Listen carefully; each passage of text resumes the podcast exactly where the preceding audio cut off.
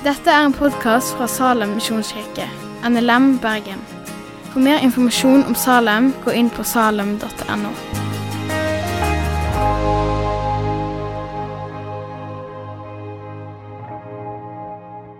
Jeg traff en, eh, en gammel kar som jeg kjenner på, på Sartor senter. Og Så spurte, han, spurte jeg han eh, ja vel, hvor er det dere skal på ferie i sommer. Han kom sammen med kona.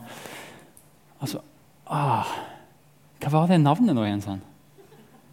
Han spør, altså, ja, så sa han ja, si noe potetsorter. Potetsort, tenkte jeg. Ja, mandelpotet? Nei, ikke det. Karspink? Nei, ikke det heller. Astrix? Nei.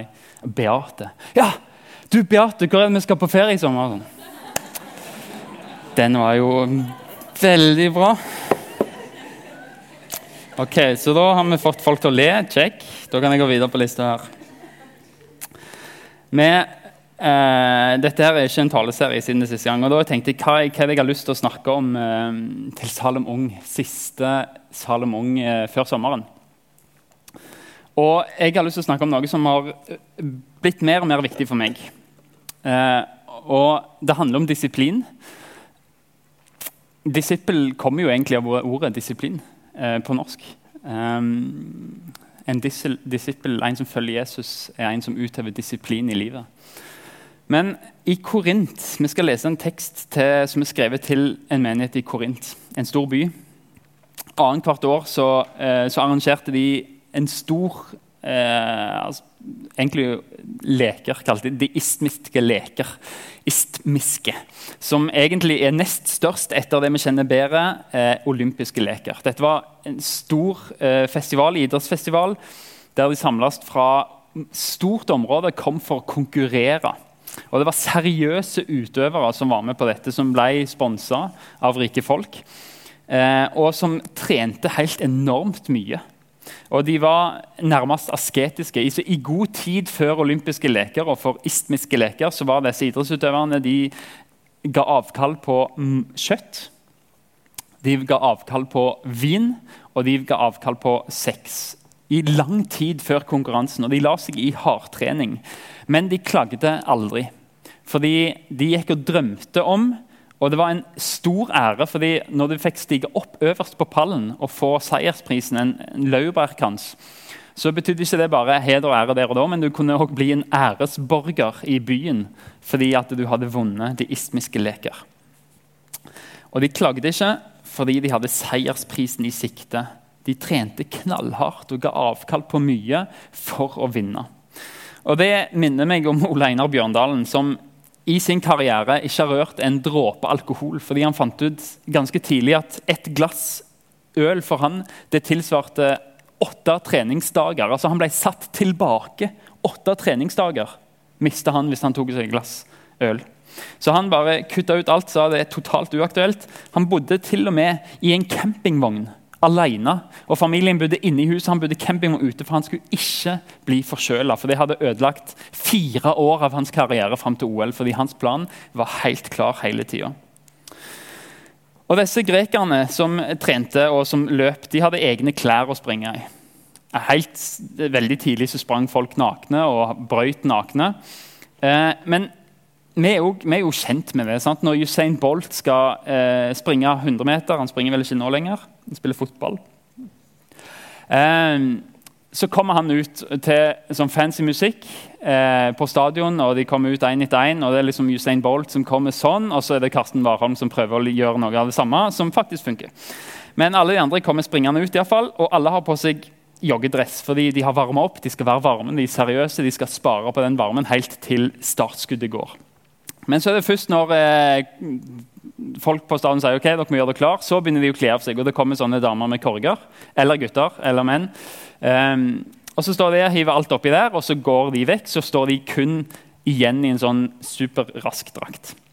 Um, og Sånn er det med idrett. Du har egne klær. Uh, du har de der svømmerne som svømmer i haidrakter og alt mulig sånt, fordi at det er, det er den drakten som får deg til å komme raskest fram. Så alt sammen er skreddersydd. Paulus eh, var 18 måneder i Korint.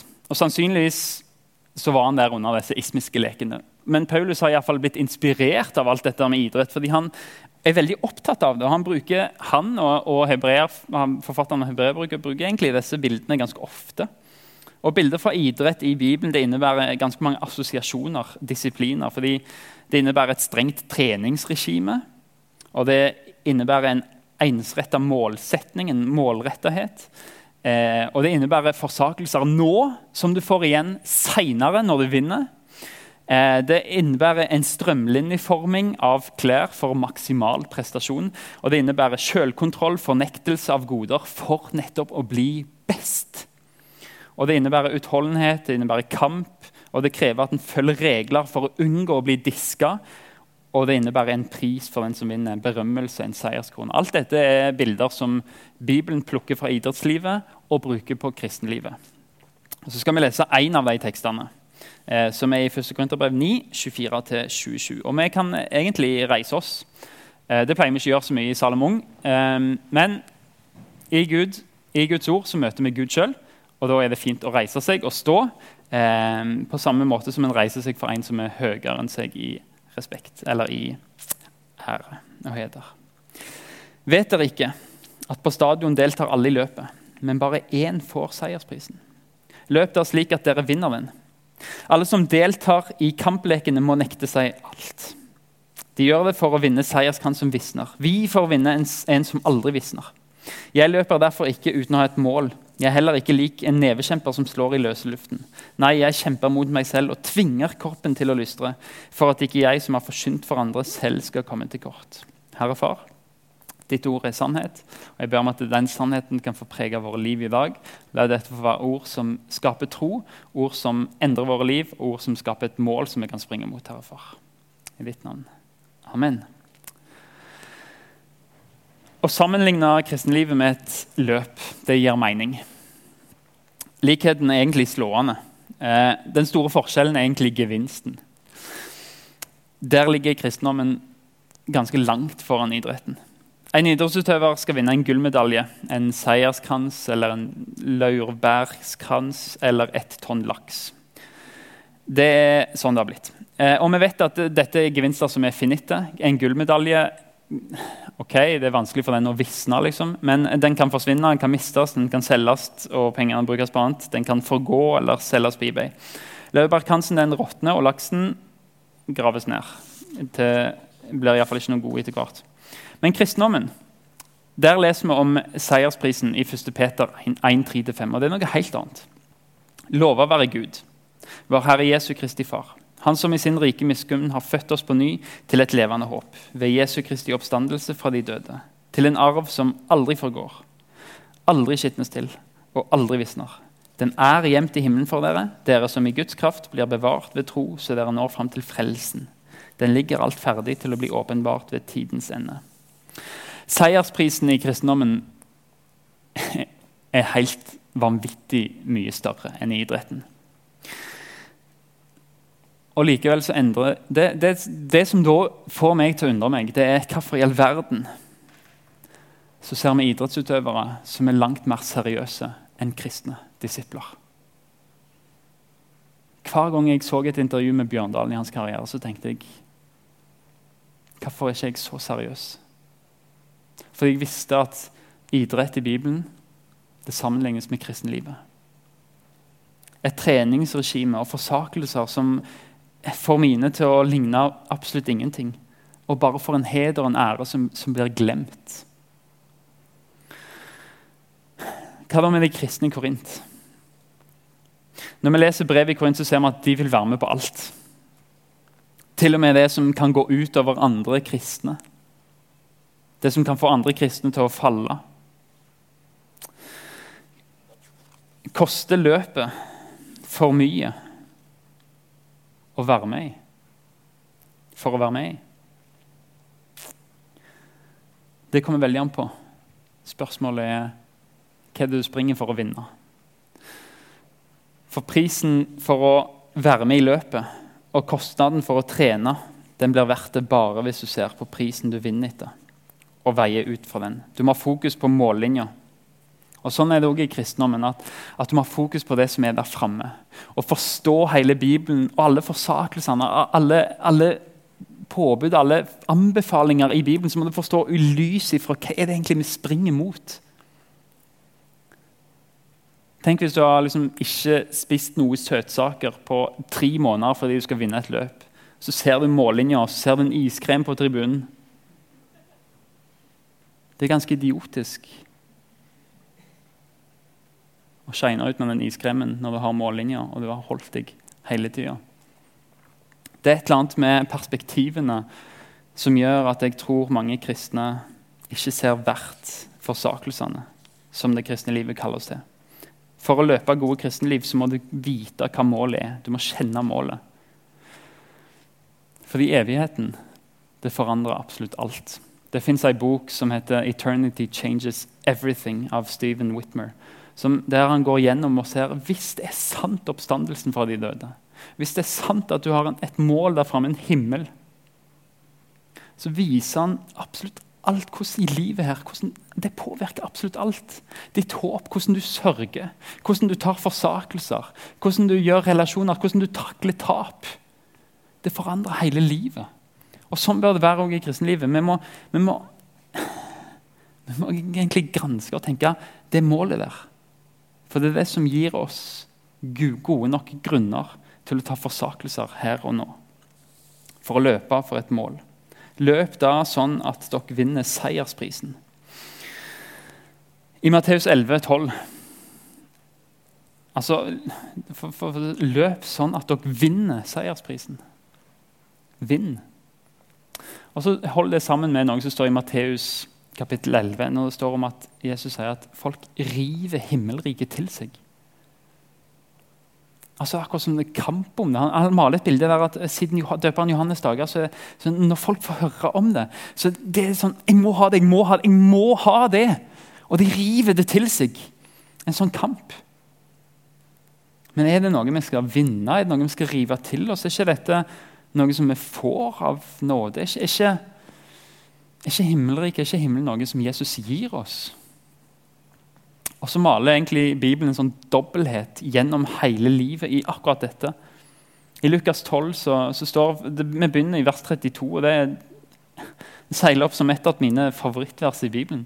Det er helt fantastisk i Jesu utsagn. Vær ikke redd, du lille flokk. For det er deres fars gode vilje å gi dere riket. Er ikke det fint? Det er Guds fars vilje å gi dere riket. Allikevel så fortsetter Jesus. Selg det dere eier. Gi gaver til de fattige. Skaff dere pengepunger som ikke slites ut, og en uforgjengelig skatt i himmelen, der tjuver ikke kommer til og mølle, ikke ødelegger for hvor skatten deres er. Der vil også hjertet deres være. Der målet deres er, det målet dere har, den retningen vil dere springe. Så spørs det hva ditt hjertes skatt er. Fordi du springer etter det. Det er sånn mennesker er skrudd sammen. Har skatten i himmelen, så vil du springe dit. Gransk hva er det du har fått av Jesus. En dobbelthet. Han vil gi dere rike, men pass på at skatten din er der. Og I Filipperbrevet 2 så finner vi den dobbeltheten. Mine kjære, dere har jo alltid vært lydige mens jeg var hos dere. Så vær det enda mer når jeg er borte. Arbeid på deres egen frelse med respekt og ærefrykt. Arbeid på frelsen din. Jo, Hvorfor skal vi gjøre det? Jo, fordi Gud er virksom i dere. Sånn at dere både vil og gjør det som etter Guds gode vilje. Ser du dobbeltheten? Gud jobber i oss. Og Det som han jobber inn, det skal vi være med på å jobbe ut å springe det løpet. Hele tida være på lag med Gud. Det er nåde, ja, men det er en kamp å bevare det som vi har fått. Og ikke, la, ikke forkaste det fordi vi har noe annet som vi skulle ønske vi hadde. Det er disiplin som idrettsfolk har. Som ikke rører ting som ikke får opp farten, som ikke gir utholdenhet fordi at de har et mål i vente. Og så er det forbildet for oss kristne. Paulus skriver alle som deltar i kamplekene, må nekte seg alt. Den engelske versjonen sier, eller En engelsk versjon sier alle som deltar i kamplekene, går inn i et strengt treningsregime. Har du tenkt sånn om kristenlivet noen gang? At det er et strengt treningsregime? Akkurat som en idrettsutøver. Men det gir ikke mening å trene hvis du ikke vet hva målet er. Hvis du ikke har blikk på hva du en gang skal få vinne. Fordi det er målet som motiverer oss, det er prisen som motiverer oss til å springe. Det koster utrolig mye å vinne et maraton. Det koster helt vanvittig mye for Karsten Warhol å holde på på det nivået som han gjør. Men han gjør det fordi han har et mål, en verdensrekord, en pall å stå på. Hvor mye mer skulle ikke vi tatt noen forsakelser for å være sikre på at vi springer rett vei? Når vi har himmelen som et mål. Og så er det noe med ja, men Hvem er motstanderen din da, Kristian? Idrettsutøvere springer jo med folk på sida av seg, eller, eller slåss eller bokser mot folk. Og Det står noe om motstanderen her òg. I denne teksten så skriver Paulus jeg, jeg løper. Jeg er en nevekjemper. Men, men hvem bokser du mot? Jo, jeg kjemper, skriver han, mot Er djevelen? Eller er det verden? Jeg kjemper mot meg sjøl. Det er den viktigste kampen i kristenlivet. Det er ikke mot verden. Vi elsker verden. Vi kjemper for å nå dem. Det er ikke mot djevelen. Jesus vant den kampen. Han kan plage deg, han kan ikke skade deg. Men du sjøl har makt til å kaste alt på sjøen av det du har fått av Gud. Jakob 1, kapittel 12-15. Salig er det mennesket som holder ut i fristelser. For når han har stått sin prøve, skal han få livets seierskrans, som Gud har lovet dem som elsker han. Ingen som blir fristet, må si 'det er Gud som frister meg'. For Gud fristes ikke av det onde, og selv frister han ingen. Alle blir fristet av sitt eget begjær, som lokker og drar. Når lysten er blitt svanger, føder den synd. Når synden er moden, føder den død. Her sier Jakob du har en fiende, men det er deg sjøl. Ikke skyld på noen andre.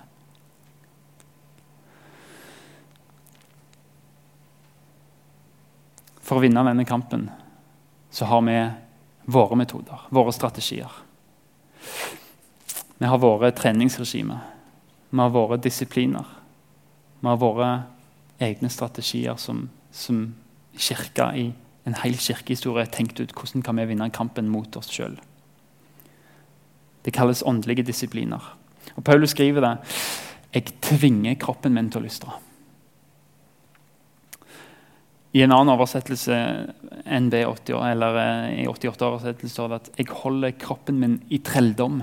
Det er et fint bilde, fordi det viser at kroppen skal være trelldom. Altså, den, den skal ikke være din herre. Den skal være din slave, den skal være din tjener. Vi skal ikke gjøre som kroppen ønsker, men, men, vi skal bruke den som et verktøy. Men det er vi som skal styre den. Engelsk står det 'make it my slave'. Gjør kroppen til din slave. Forbildet vårt er Jesus, egentlig. Som kom til jord og ble en tjener for oss for å bli en løsepenge. Som ble en tjener for å vinne liv til andre. Og så er vårt kall til å bli en at kroppen vår skal bli en tjener for oss sjøl. For å berge vår tro, for å springe løpet. Og kropp er ikke en negativ ting i Bibelen. Men etter syndefallet så er det bare det at, at kroppen har et annet mål enn sjelen din. Det er Paulus skriver om at 'jeg vil så gjerne' men jeg får det ikke til. Det jeg vil, det gjør jeg ikke. At jeg ikke vil, det gjør jeg. Fordi at det, syndens lov bor i mine lemmer. Det bor i kroppen min. Begjæret.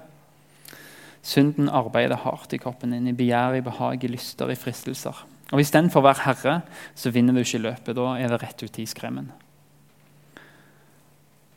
Åndelig disiplin det går ut på å finne noen øvelser som hjelper deg til å huske at kroppen er et verktøy og ikke en gud.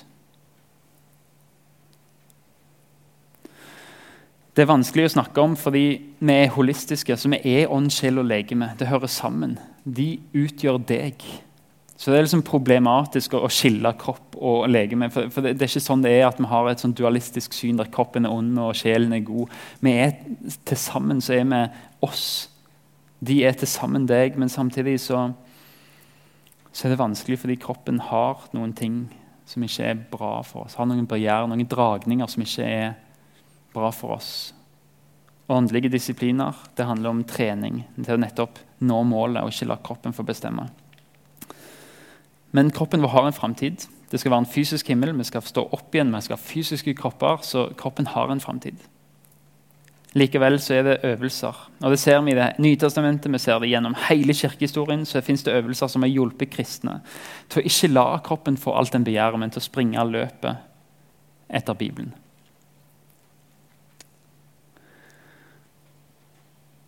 Kroppen er et godt verktøy, men en dårlig gud. En lun herre som ikke har evighetens mål for øye, men som har for øye det som kan nytes her, og det som kan nytes nå. Det er sånn kroppen er. Og Paulus sier 'ha meg som forbilde'. Det sier han egentlig etter den teksten vi leste helt i starten, så fortsetter han litt å skrive om advarsel om at det går an å falle fra. Og så sier han 'men ha meg som forbilde'. Og han kjenner seg sjøl. Han kjenner sin fiende. Og han sikter på det svake punkt og er nevekjemper mot seg sjøl. En bokser vet veldig godt hva som er det svake punktet til sin motstander. De ser på video, de ser hvor er det han hva er det som gjør at han blokker litt dårlig akkurat der, og der skal jeg slå til. Når han går til med venstre, så åpner han nyra si her, f.eks. Og sånn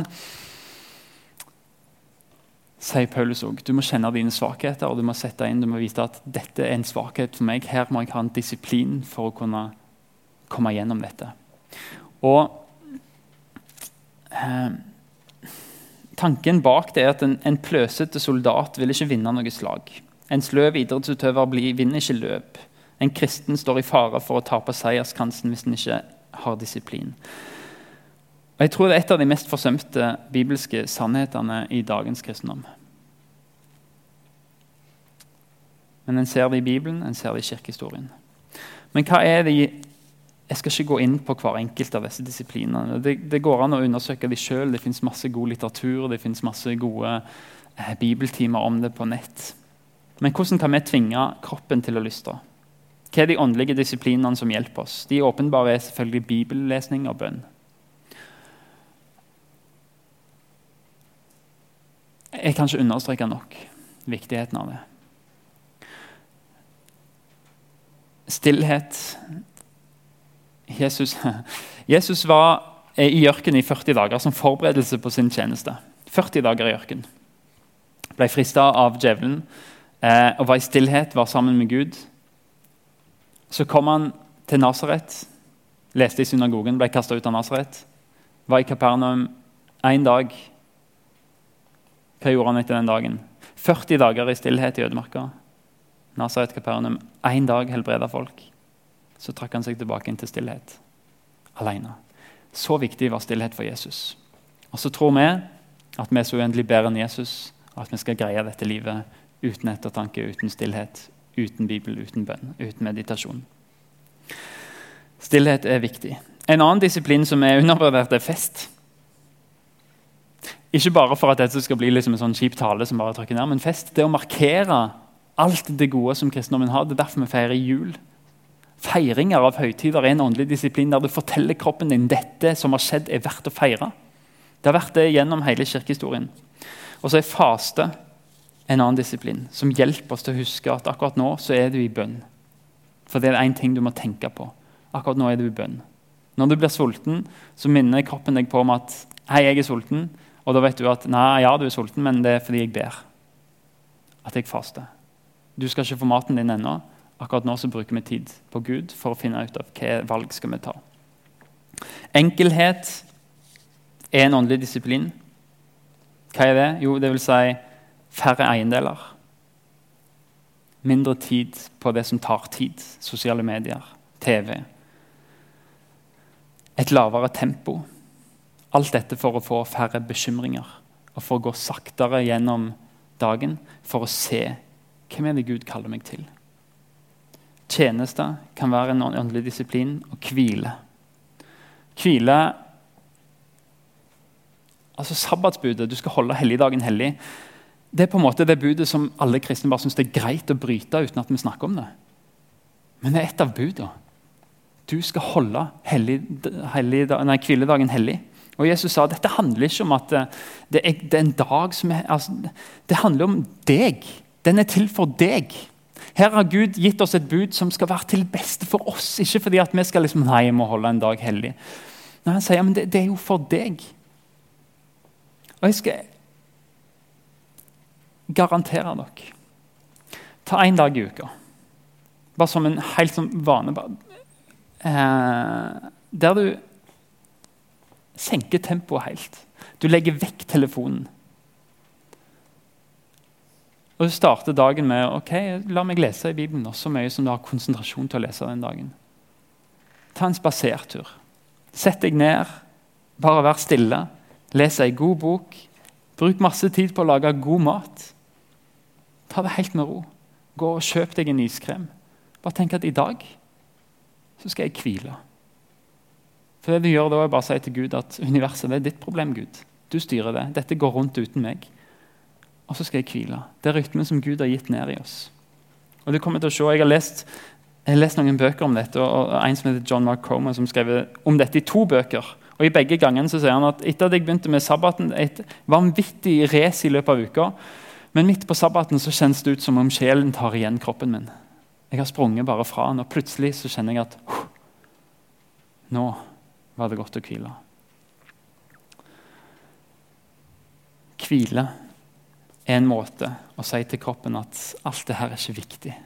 Jeg har en hvile der framme, og nå skal jeg hvile bare for å tenke på den og korrigere kroppen min og tenke hvor er jeg på vei hen. Hvil for å finne ut.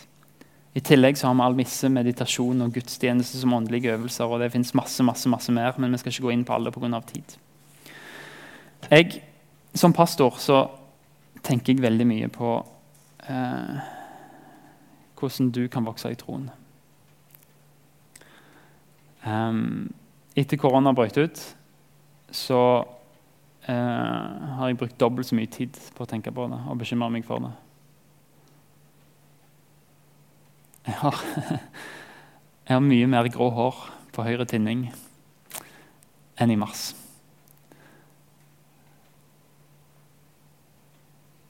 Og jeg, det å møte folk som går i Salem, og som deler noe som de har lest i Bibelen, og se at mennesker vokser i tro i løpet av de tida de er her, det er ingenting som eh, gjør jobben min mer meningsfullt enn å se et menneske vokse i tro, bekjenne en bruk av Bibelen og, få møte og se at folk har satt av tid og vokser, har noe å dele, har lyst til å bidra fordi de har fått noe av Gud. Det er helt fantastisk. Og så er det noen ting som holder meg våken mange netter. Og det er å kjenne folk i Salem så langt jeg kjenner dem, og se at det er ingen vekster. Hvordan kan jeg inspirere til vekst? Hvordan kan jeg inspirere til at de kan ha tillit nok til Gud til å sette av tid til å tro at Guds ord vil påvirke dem?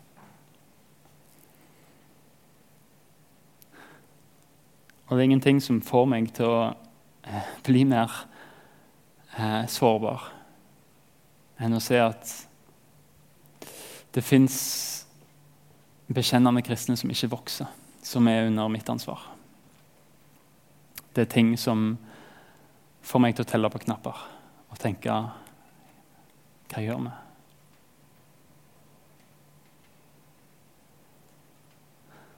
For Bibelen er så tydelig på at det skal være vekst i kristenlivet. Og Det er ikke alltid, det er ikke alltid at jeg kjenner at jeg vokser heller. og Det står noe om at det er salig den mann som grunner på Herrens ord dag og natt.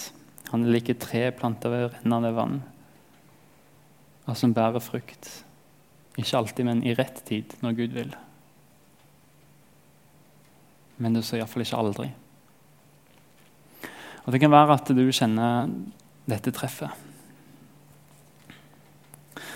Og jeg tror når jeg drevet med sjelesorg så lenge jeg har vært i Salem Jeg har vært her i 20 år.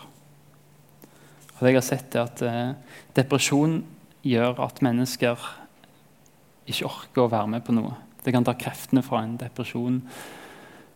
Miste meninger med livet. Miste lysten til å ta tiltak, til å treffe folk, til å gjøre ting, til å søke på studier, til å gå ut på og treffe noen, og til i hele tatt å reise hjem på ferie. En låser seg inn i seg sjøl veldig ofte.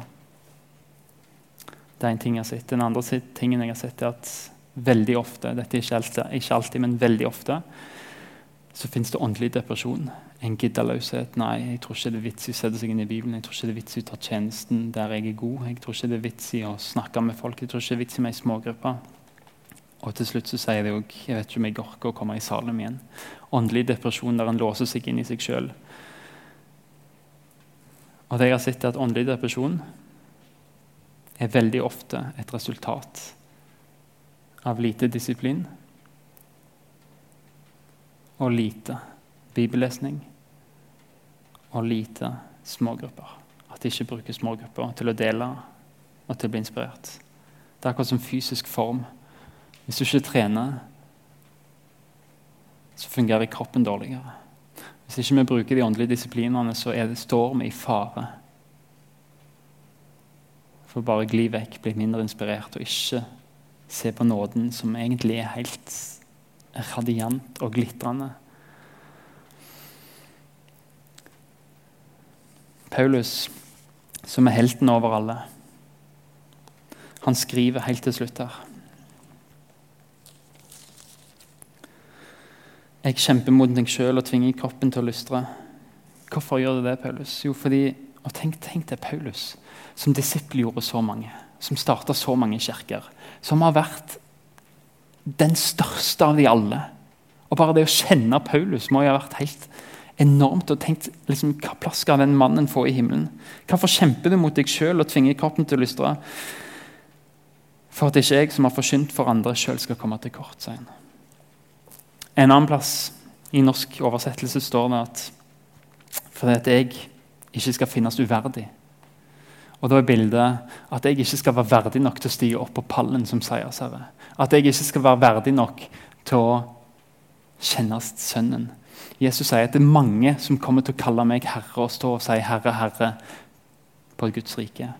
Og han kommer til å si dere må gå vekk fra meg, for jeg kjenner dere ikke. Og Det sier han til disiplene sine. På en engelsk versjon så står det at jeg springer jeg, jeg, jeg får kroppen min til å være slave, sånn at jeg ikke skal bli diskvalifisert.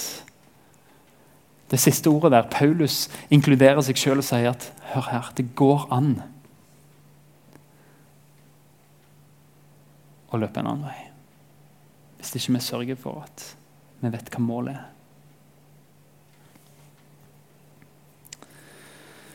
I Hebreerbrevet 12, 1-3 står det derfor når vi har en så stor sky av vitner omkring oss. Så la oss legge, oss, legge, av oss alt som tynger, og synden som så lett fanger oss inn. Med utholdenhet fullføre det løpet som ligger foran oss. Med blikket festa på Han som er troens opphavsmann og fullender Jesus. For å få den gleden han hadde i vente, holdt han ut på korset uten å bry seg om skammen. Og når han har satt seg på høyre side av Guds trone, ja, tenk på dem Nei, tenk på ham som holdt ut en slik motstand for syndere, så dere ikke blir trette og motløse. Legg av, som vil kle av seg for en konkurranse når korgene kommer og Usain Bolt tar av treningsdressen. Legg av. Legg av din egen synd. Dine vaner som ikke fører deg til målet. Din rikdom som ikke hjelper deg mot målet. Din tidsbruk, dine gleder. Legg igjen det som er godt, og det som er vondt. Det som er bra, og det som er ondt. Så sant det ikke fører deg fram. Legg det av deg. La oss være La oss ha Bjørndalen som et forbilde der. Hvis det ikke hjelper oss til å vinne, hvorfor holder vi på med det? Når det er sagt, så skal vi få ha gleder, ja. Vi skal få hvile. Det er en del av budet, men, men alt skal hjelpe oss fram. Eksempelet vårt er Jesus. Han så på målet for å holde ut på korset. Tenk hans kamp da, å henge på korset der, som Gud. Og med bare et knips kan stige ned fra korset og legge alle romerske soldater bare øde med et slag med lillefingeren. omtrent bare Tenk for en mektig mann som henger på korset. Hvorfor i all verden henger han der? Hvorfor tar han og taper den kampen? Hvorfor forsaker han livet sitt på den måten? Fordi han òg hadde et mål. Deg. For å få den gleden han hadde i vente, nemlig det å ha deg i himmelen, så holdt han ut skammen. Han holdt ut alle forsakelser fordi han ville se deg hjemme i himmelen. Skal ikke vi holde ut i forsakelser, sånn at vi kan se Han og det rommet Han har gjort i stand for oss? Tenk på Han så du ikke blir trøtt og motløs. Og Det ordet 'trett og motløs' det er et gresk ord som Aristoteles til og med bruker når han beskriver en idrettsutøver som kaster seg over mållinja og bare helt utmatta ligger på bakken. Og så sier forfatterne her i brevbrevet pass på at du ikke gir deg for tidlig. At ikke du kaster deg og helt utmatta fordi livet har tatt alle kreftene dine. Når du kunne lagt av deg ting og fokusert på målet. Ikke gi opp for tidlig. Ikke kollapse for mållinja ikke passert. La oss springe. La oss se på Jesus som holdt ut alt for din del sånn vi kan holde ut for å se hva han har gjort i stand for oss. Jeg kommer snart, sa Jesus. Hold fast på det du har, så ingen tar seiersprisen fra deg. I åpenbaringen 3. Vet du hva som ligger i det? At han har gitt deg seiersprisen. At du har han, Så sier han, hold fast. Ikke slipp. Se på hva du har fått av meg. Hold fast. La ingen få ta det fra deg. Skal vi be. Herre Far, bruk det som jeg har sagt, til å gjøre det du gjør i menneskers liv. For jeg er viss på, Jesus, at den gjerningen du har starta i de som er her inne, den vil du fullføre helt til Jesu Kristi dag. Du vil arbeide i oss, sånn at vi både vil og gjør det som er til din gode vilje. Så hjelp oss til å arbeide på vår frelse med respekt for det og ærefrykt for det. Takk for at du har hørt på podkasten fra Salem, Bergen. I Salem vil vi vinne, bevare, utruste og sende, til Guds ære. Vi ønsker å se mennesker finne fellesskap, møte Jesus og bli disippelgjort her i Bergen og i resten av verden. Vil du vite mer om oss, gå inn på salem.no.